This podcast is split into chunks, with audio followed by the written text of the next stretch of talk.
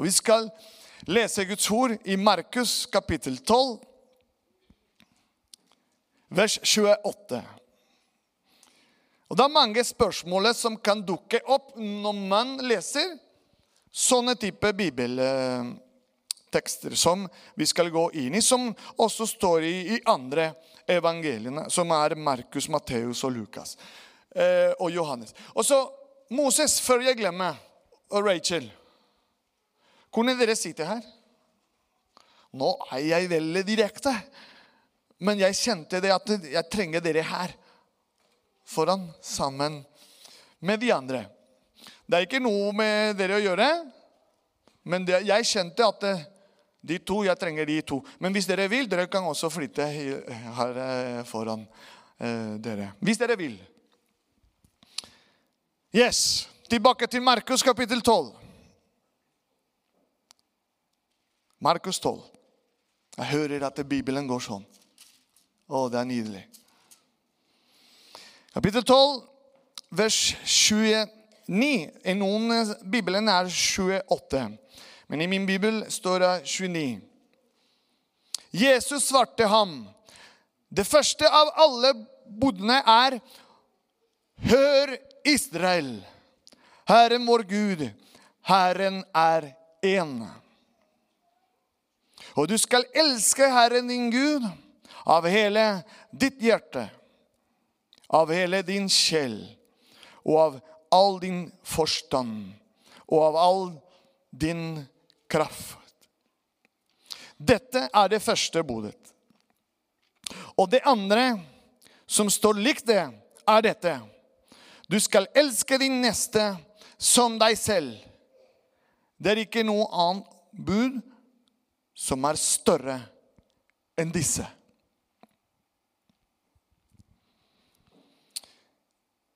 I en annen eh, versjon det står følgende En av de skriftlærde som hadde hørt på ordskiftet og forstå at Jesus hadde svart dem godt, kom da bort til han og spurte hva er det første av alle budene. Og så kommer det Jesus svarte. Det er det, dette er det første av alle budene.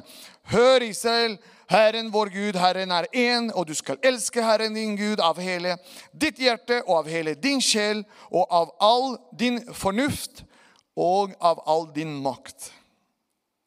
Dette er det første budet. Det andre, som er like stor, er dette. Du skal elske din neste som deg selv. Det finnes ikke noe annet bud som er større enn disse. Himmelske Far, hjelp oss i dybden av ditt ord ved din Hellige Ånd og åpenbaring. I alle, vårt sinn, I alle våre sinn og hjerte, Herre. Hjelp oss å være mottagelig. Mottagelig av de mektige og hellige ord i Jesu navn. Amen. Her hos Markus har Jesus vært i en diskusjon med forskjellige religiøse ledere. Farisere, sadukere osv. Ulike religiøse og politiske retninger i datens jødiske, jødiske kultur. Alle var de ute etter å fange Jesu ord. Her er det elementer man må trekke det fram for å forstå mer og mer hvordan Jesus er i hverdagen. Hvordan er Jesus når man får spørsmål? Som de spørsmålene som Jesus fikk. Som du og jeg kan få. På skolen, på jobb. Så det er viktig å være forberedt som Jesus var. Denne bibelteksten starter med å si at en skriftlærer som hadde hørt på diskusjonene, syntes Jesus hadde svart godt for seg. Derfor ville han stille Jesus spørsmålet om hvilket bud som er det første. Altså største i Det gamle testamentet. For det var det jødene var opptatt av. I Matteus f.eks., i kapittel 22, og Lukas kapittel 10 finner vi dette også. Sine versjoner av fortellingen står det at den løvkyndige ville sette Jesus på prøve. Er mange her i dag per dags dato som prøver og setter oss på prøve. Deg og meg.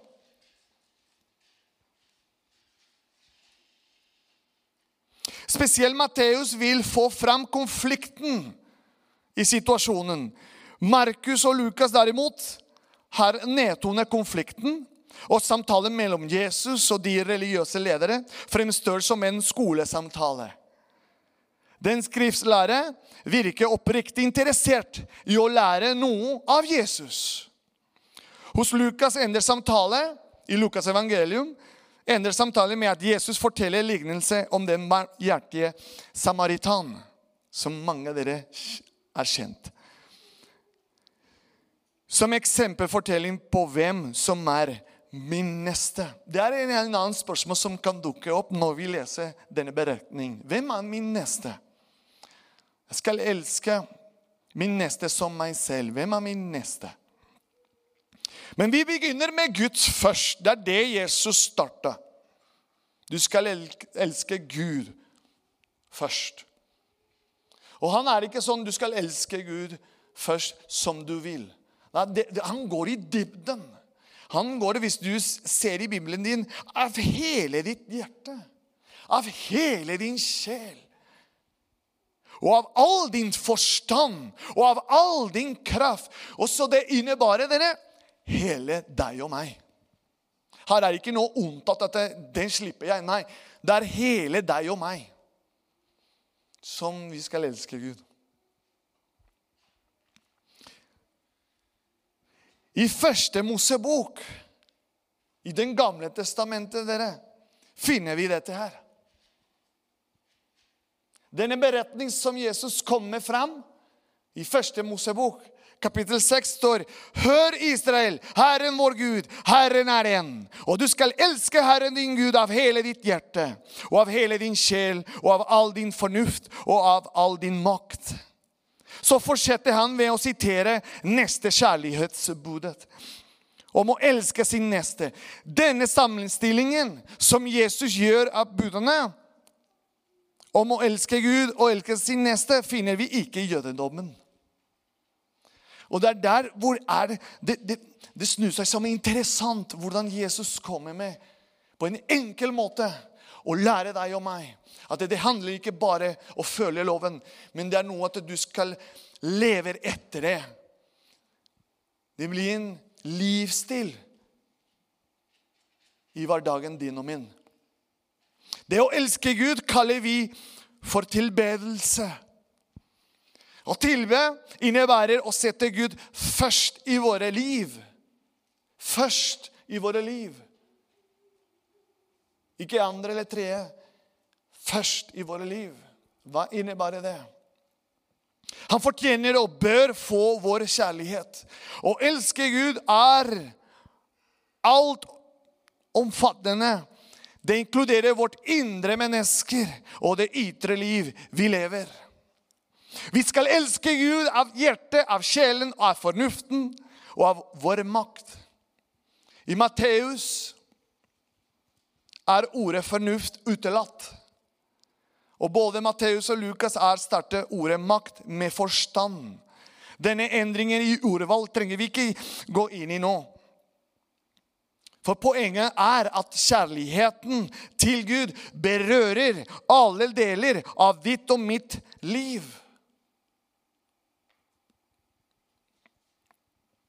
Hjertet står for sentrum i mennesket. I Den gamle testamentet ordspråkene livet springer ut fra hjertet. Det står i kapittel 4. Å elske Gud av vår sjel viser at vi består av mer enn én kropp. Det er det som er noen ganger, eller flere ganger i, i verden, og i den sekularisering. Man forstår ikke det. Når du slipper det med sjel, det med åndelig å gjøre De blir mer opptatt av det synlige. Materialisme og prestasjon. Men når vi snakker om sjel, hvor Gud kommer inn i bildet ved sin ånd, transformere, det gjør en forvandling i deg og meg. Og snu dynamikken og dimensjonen av betydning kjærlighet. Som mange av dere har hørt agape. Det er den dimensjonen av kjærlighet snakker vi om. Bare Den hellige ånd kan åpenbare deg og meg.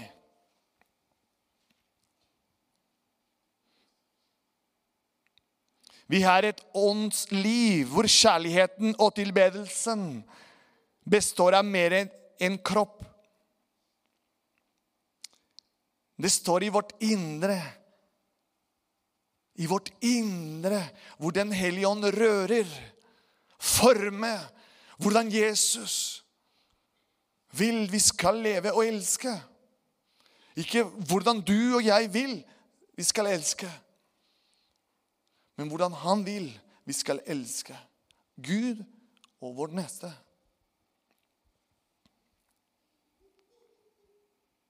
For at kjærligheten ikke bare skal oppfattes som noe indre føleri, så understreker Jesus at vi skal elske Gud av vår fornuft, makt og forstand. Kjærligheten må også innom tankelivet før den viser seg i konkrete handlinger. Det er noe du og jeg, i vår intimitet med Gud, i vårt rom, der hvor du søker Gud Gud kommer ved sin ånd, ved sitt ord, og begynner å forme deg og meg etter hans hvile, etter hans bilde. At vi kan søke han, ikke bare for å fullføre en rutine, men at vi kan søke han med en glede og en forventning. At pappa venter, at pappa gleder seg til å ha en samtale med deg og meg. Ved sitt ord og ved sin ånd. Min neste, dere. Nå går vi videre. Gud først, og så kommer min neste. Så fortsetter Jesus med å fremheve nestekjærligheten. budet. Det andre er like stor. Og det er dette. Du skal elske din neste som deg selv. Dette budet er også hentet fra Den gamle testamentet. Tenk du, Hvis du visste ikke det, da får du den.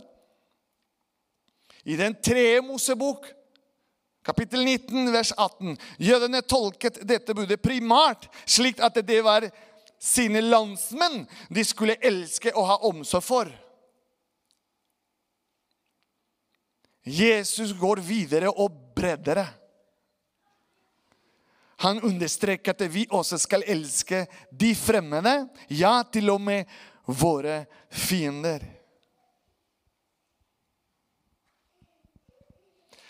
Og det her tror jeg vi som menighet har en vei å gå. Alle sammen, inkluderer meg selv. Det å elske de fremmede, ja, til og med våre fiender. Tenk du.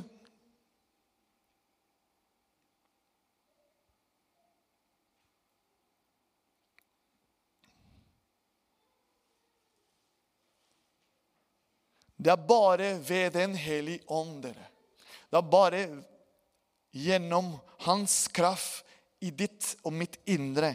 Vi kan gå inn i den retning som Jesus veileder oss ved sitt ord. Det å elske mitt neste. Det er ikke i våre krefter. Det er ved hans kraft i deg og meg. Du som har tatt imot Jesus i ditt liv som frelser og herre. Da bor det i deg den kraften som er Den hellige ånd som bare han kan hjelpe og veilede deg og forme deg stadig. Fordi hvis du går og stiller det spørsmålet men hvordan kan jeg elske min neste, hvis han bare snakker stygt om meg Sjøl kan ikke vi gjøre noe. Vi trenger hans kraft. Vi trenger veiledning av hans ord. Det er det eneste måte. Og jeg ser det her med Paulus, f.eks. Vi skal gå inn i etter hvert med det. Og han veileder oss også videre med dette. Derfor i 2024 dere, dette, Jeg har ikke skrevet det her ned. Men jeg tror virkelig at hvis vi virkelig vil se folk som kommer gjennom disse dørene, og ikke bare for å fylle disse stolene, men Poenget er Altså, mitt syn er ja, halleluja, det er masse folk. Men det viktigste er når de skal gå ut gjennom den døra. Og bare det Gud har sagt og gitt til alle oss, og vi kan leve etter det der ute. Som folk kan begynne å se etter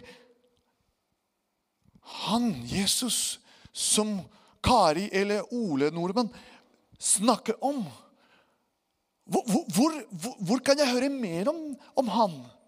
Og da får du og jeg mulighet, når vi går gjennom Den hellige ånds veiledelse i forhold til vår neste kamerater eller venninner på skolen, som begynner å lure på Hvorfor, hvorfor alltid er du med, med håp i, i, Og det stråler i ansiktet din.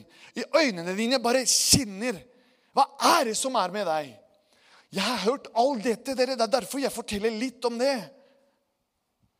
Det kommer kommentarer at når man reiser med fly, og som man kan høre når man sitter med en ukjent person oi, og begynner samtalen. Nei, men du har en, en, en spesiell energi.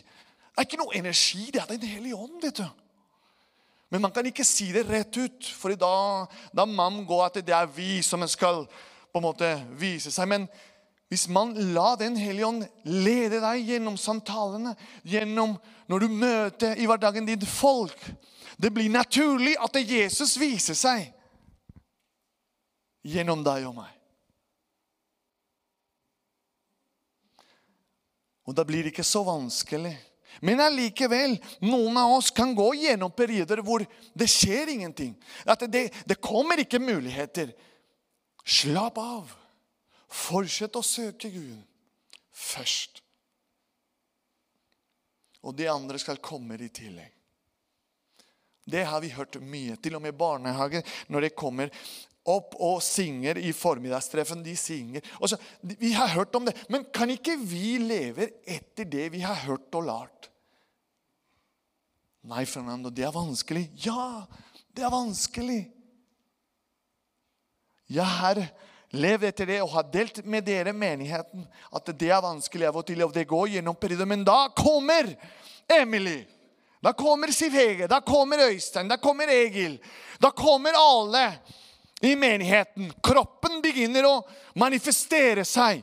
Og da kommer Astrid. 'Nei, vet du hva, Fernando? Jeg ser, og jeg har bedt for deg.' 'For jeg kjenner at det, det, det er noe med deg.' Og det stemmer, Astrid. Jeg, jeg hadde og så kommer Emily og preker om Guds kraft, og jeg sitter og lytter. Og så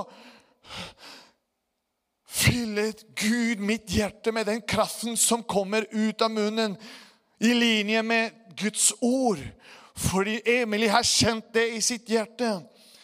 Da kommer Britt og forteller hva Gud har gjort i sitt liv, i sin familie. Da kommer Ela og forteller i en samtale med sine venninner eller venner hva Gud har gjort i sitt liv. Og så det, dette sprer seg. Og det er på grunn av én ting. Vi søker Gud først. Vi elsker Gud først. Betania Statele skal bli synlig i 2024 fordi vi elsker Gud først av hele vårt hjerte. Og vi elsker vårt neste. Ja, Hvordan vi skal klare å elske vårt neste? Det å gå ut av komfortsone. Men ikke sånn 'nå skal jeg skjerpe meg'. At du lar Den hellige ånd og lede deg å gå ut av komfortsone. Da blir det en helt annen dynamikk enn dere. Og det er det Jesus påpekte blant religiøse ledere når han sier ja, du skal elske Gud først, og du skal elske din neste. Og da blir det de religiøse ledere Å, hvordan jeg skal elske min neste?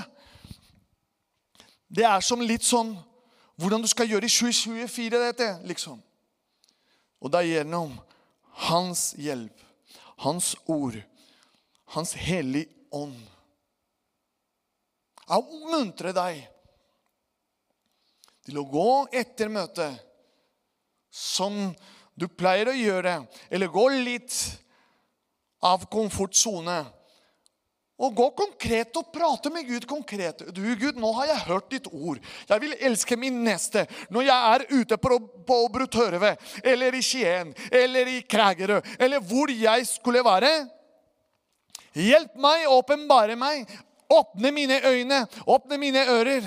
Hvordan kan jeg være en redskap? Hvordan jeg kan være en velsignelse for min neste? Går det bra? Går det bra? Ja.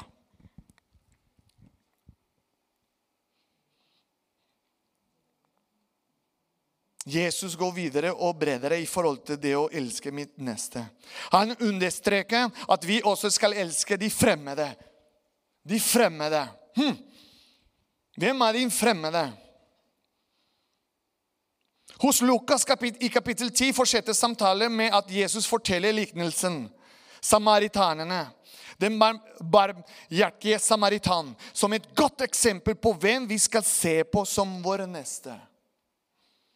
Samaritanene var ikke godt likt av jødene. Dermed utvider Jesus vår forståelse av hvem som skal omfattes av vår nestekjærlighet. Uttrykket 'som deg selv' følg med nå i det jeg skal lese nå for dere. Uttrykket 'som deg selv' forteller oss at egenkjærligheten er forutsatt som noe positivt og selvsagt. Jesus løfter opp den sunne selvfølelsen. Selvforakten har ikke plass for verken kjærlighet til seg selv, sin neste og neppet til Gud heller.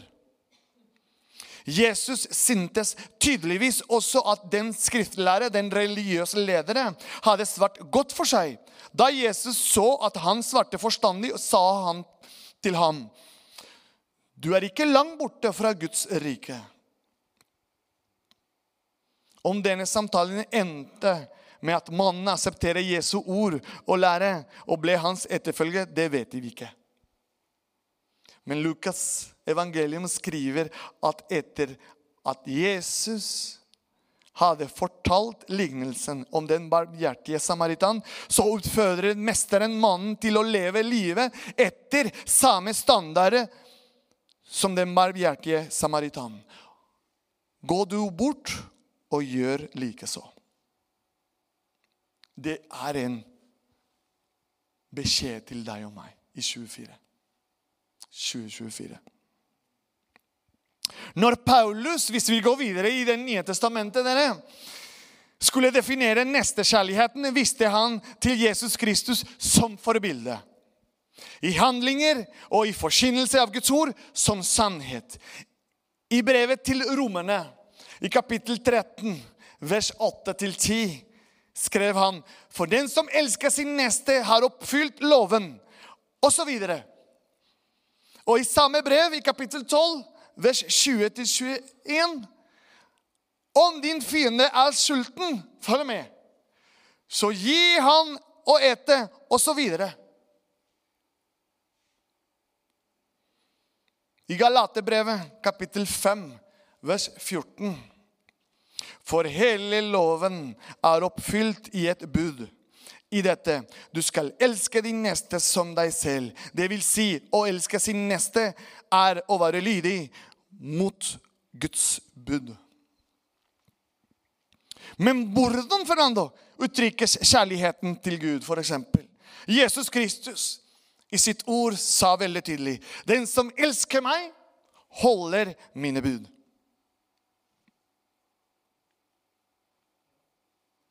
Johannes evangelium 14, 15.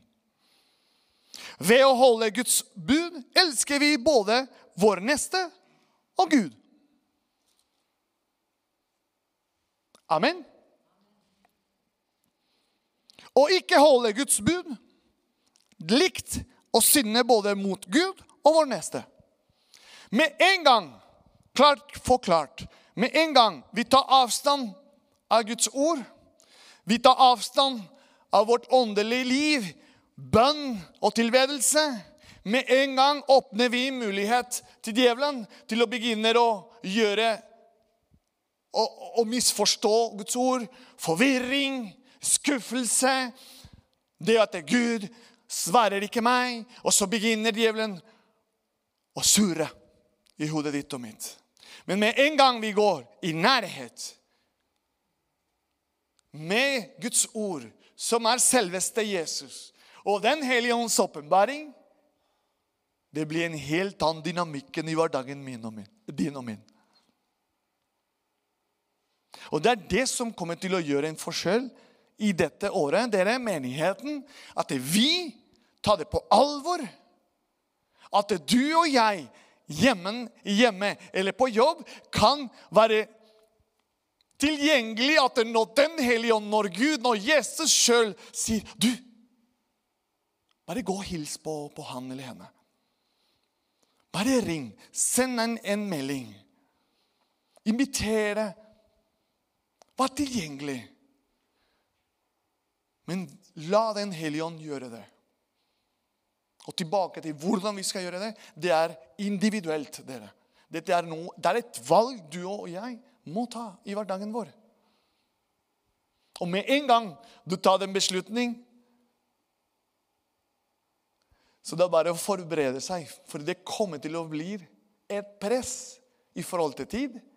Det er voldsomt, det presset som man får i tida si når man ta den beslutning til å ta tid med Guds ord, til å ta tid i bønn, som vi som menigheter skal gjøre i starten av året. Sånn i morgen starter en uke hvor vi skal søke Gud i bønn. Ikke bli på en måte overraska at mandag, akkurat klokka syv Det ringer, eller det skjer et eller annet. Eller tirsdag, eller onsdag, eller torsdag. De har ikke kamp mot kjøtt og blod, dere. Det er én i den åndelige verden som vil hindre deg og meg. Derfor trenger vi å hjelpe hverandre. Om Ole eller Kari kan ikke komme i morgen, da kan en av oss komme til dem. Er dere med? Du behøver ikke klokka syv nøyaktig. Nei.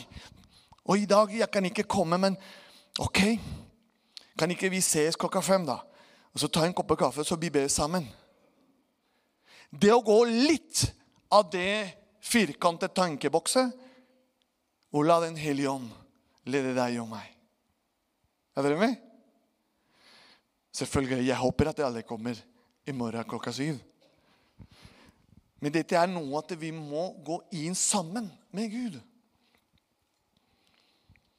Hvem er min neste? I det beretning i Lukas 10. Den som visste varmhjertighet. Hvorfor var den barmhjertige samaritan slikt et godt menneske?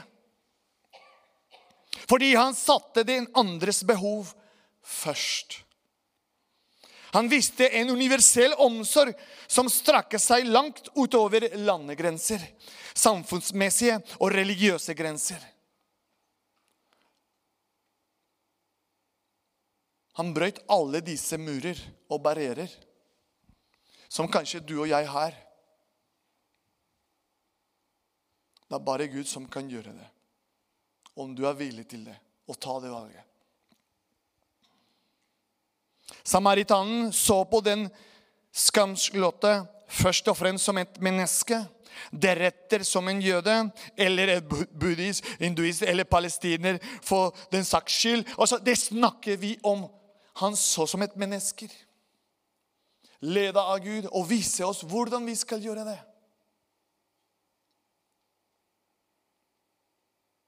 Han var ikke redd. Og her lærte jeg, når jeg leste denne beretning, mye av kanskje kristendom generelt i verden er opptatt av. Han var ikke redd for sitt eget navn og rykte. Han spurte ikke hva kommer til å skje med meg hvis jeg involverer meg i denne saken. Nei, han stilte spørsmålet andre veien. Hva kommer til å skje med han som ligger der, hvis jeg ikke stopper opp og hjelper han? Det er en helt annen dynamikken. Han var ikke redd for å involvere seg personlig, tok ikke sjansen på å gå videre, men bredte opp armene og viste kristen kjærlighet i praksis. Det er stor forskjell på å synes synd på noen og det å gjøre noe praktisk og håndprikkelig. Hva er kjærlighet? Hva kjærligheten er? Har vi lært av Jesus ga sitt liv for oss, så skylder også vi å gi vårt liv for våre søsken. 1. Johannes 3,16.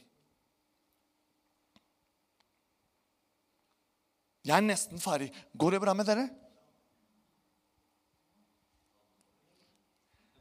Ja, det er mye bedre når dere begynner og smiler. Det er noen som gjør det sånn også. Halleluja. Oppfordring til å elske oss selv. I nyere tid har det blitt populært å bruke denne teksten med uttrykket 'du skal elske din neste som deg selv' som begrunnelse for at først og fremst handler om at vi må lære å elske oss, oss selv. Men det er ikke det som er poenget. Det er ikke en oppfordring til selvkjærlighet.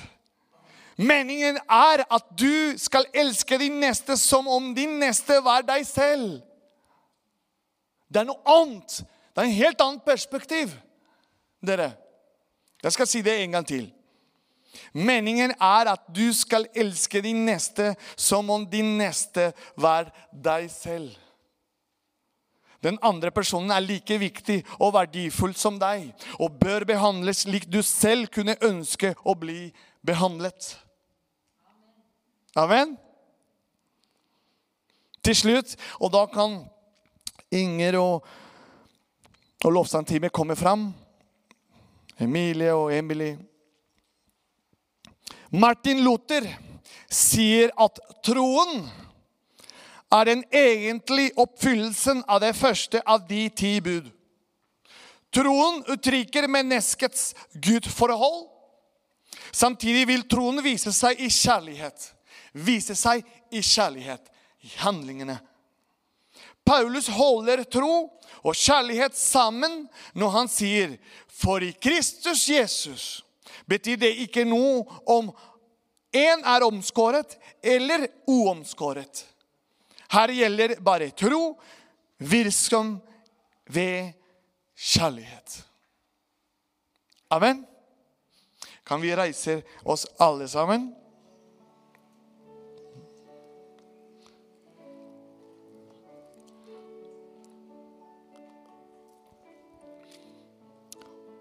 Og du skal elske Herren din Gud av hele ditt hjerte, av hele din sjel og av all din forstand.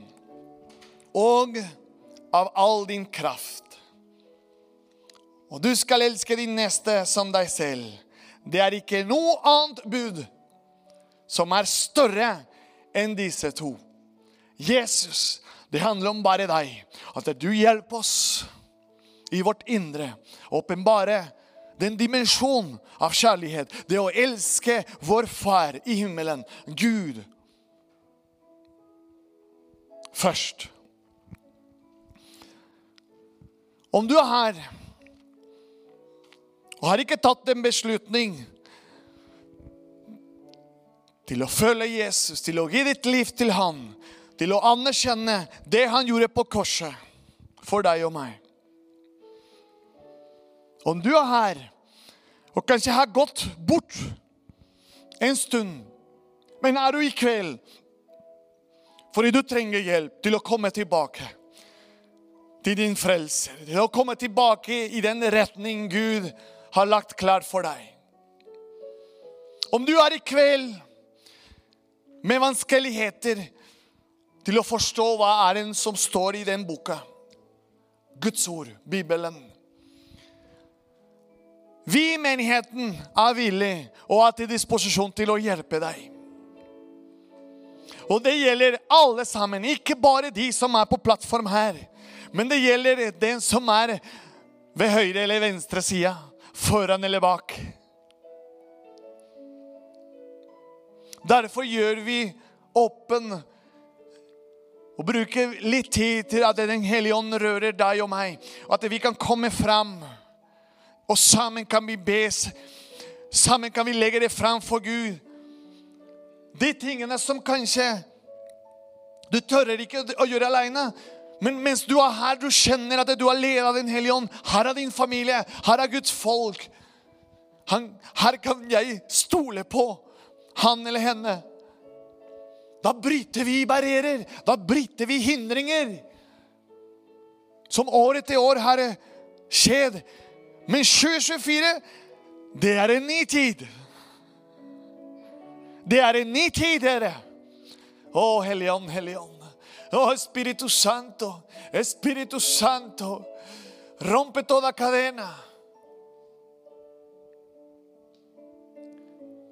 Lenkene brytes.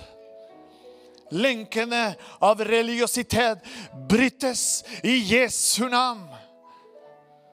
På samme måte som de religiøse ledere ble satt ut når Jesus sa du skal elske din neste som deg selv. Det brytes i kveld. Derfor vi skal bruke litt tid, dere.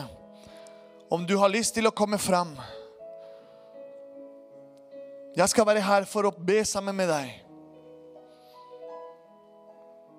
Vet du, Ungdommene elsker dette her.